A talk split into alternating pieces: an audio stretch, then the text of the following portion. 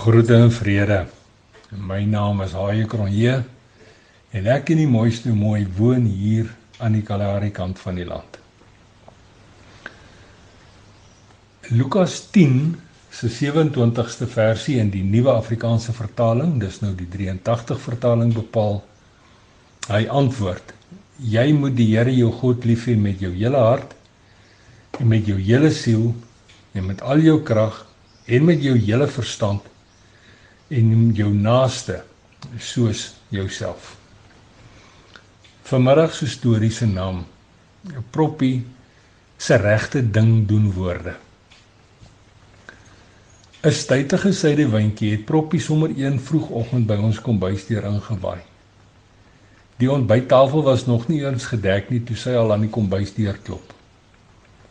Sy moes net die regte ding doen en gou kom vertel van haar kerelkind belewenis gister in Appington.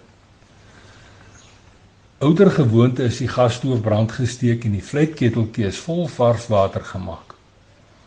'n Mens kan mos nie met 'n droë keel vertel van hoe groot die Here is nie, het sy gesê.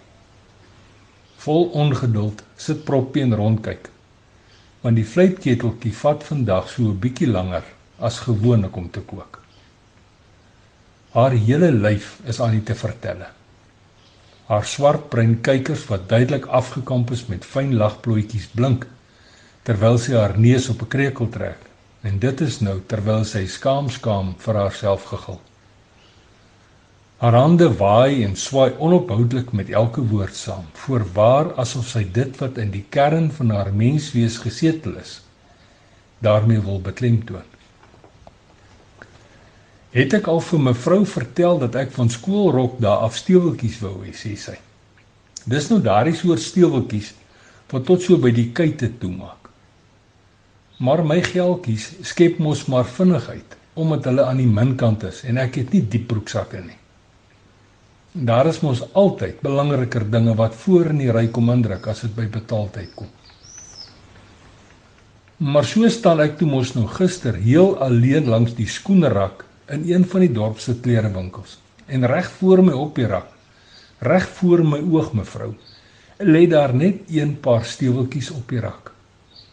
En die steweltjies op die rak is presies die regte grootte en lyk soos die waarvan ek droom. Maar mevrou soos gewoonlik is my geldjie weer heel op. Op daardie selfde oomblik terwyl my oog net die steweltjies raak sien kry ek toe mos nou 'n gevoelte om te bid. 'n Swaar gevoelte om hardop te bid. Dadelik wou ek nog koeskop trek, maar ek onthou dat pastoor goed eendag lank voor Covid en die maskertyd ons begin leer het om die regte ding te doen. Om die regte ding te doen sê die Bybel is om die Skepper God lief te hê met alles terwyl ons ons mense goed net so lief moet hê soos onsself. Pastoor Goed het ook gesê dat as die skaamte ons bang maak en ons koeskop trek om die regte ding te doen, moet ons net soos 'n ankerpaal staan en die regte ding doen. Met hierdie swaar gevoel om hardop te bid wat al meer en meer word, trek ek toe mos nou net daar my skaambaadjie uit. Ek ek wat proppie is, gaan die regte ding doen. Ek gaan sommer net daar tussen die rakke staan en bid bid soos ek tussen die bossies vir Noniput se mense bid. En dit is nou met oë toe en met my hande hoog in die lug. En mevrou, so begin die woorde diep uit my binneste binne kom. Ek weet nie of daar ander mense in die winkel was nie, maar as daar was, sou hulle my verseker gesien en vir my gehoor het. Maar pastoor goed sal nie glo nie terwyl ek nog besig was om so te staan en bid. Toe vat iemand my aan die skouer. Ek het geskrik want miskien gaan die winkel se mense my nou wil uitjag.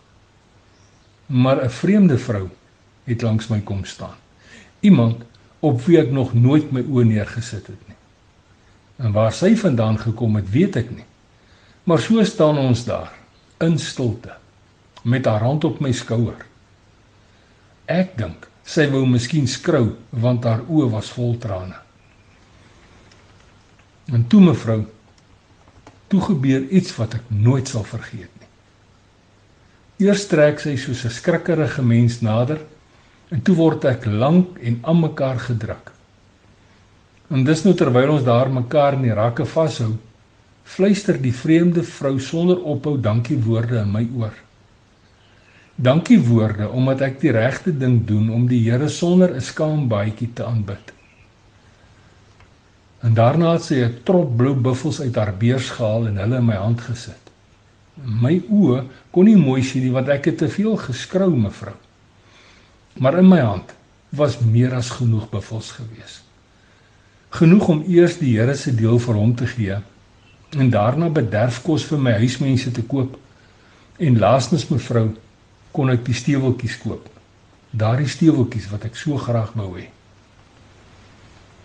Roerloos met wit oë staar ek in die mooiste mooi na Proppie. Terwyl haar regte ding doen woorde roerloos in die liggaam. 'n Regte ding doen woorde om die Skepper God se wet te laat uitleef. Net soos wat Lukas dit opgeteken het. En nou ja toe. En tot 'n volgende keer. Los mooi spore en sandkorrel by seëninge.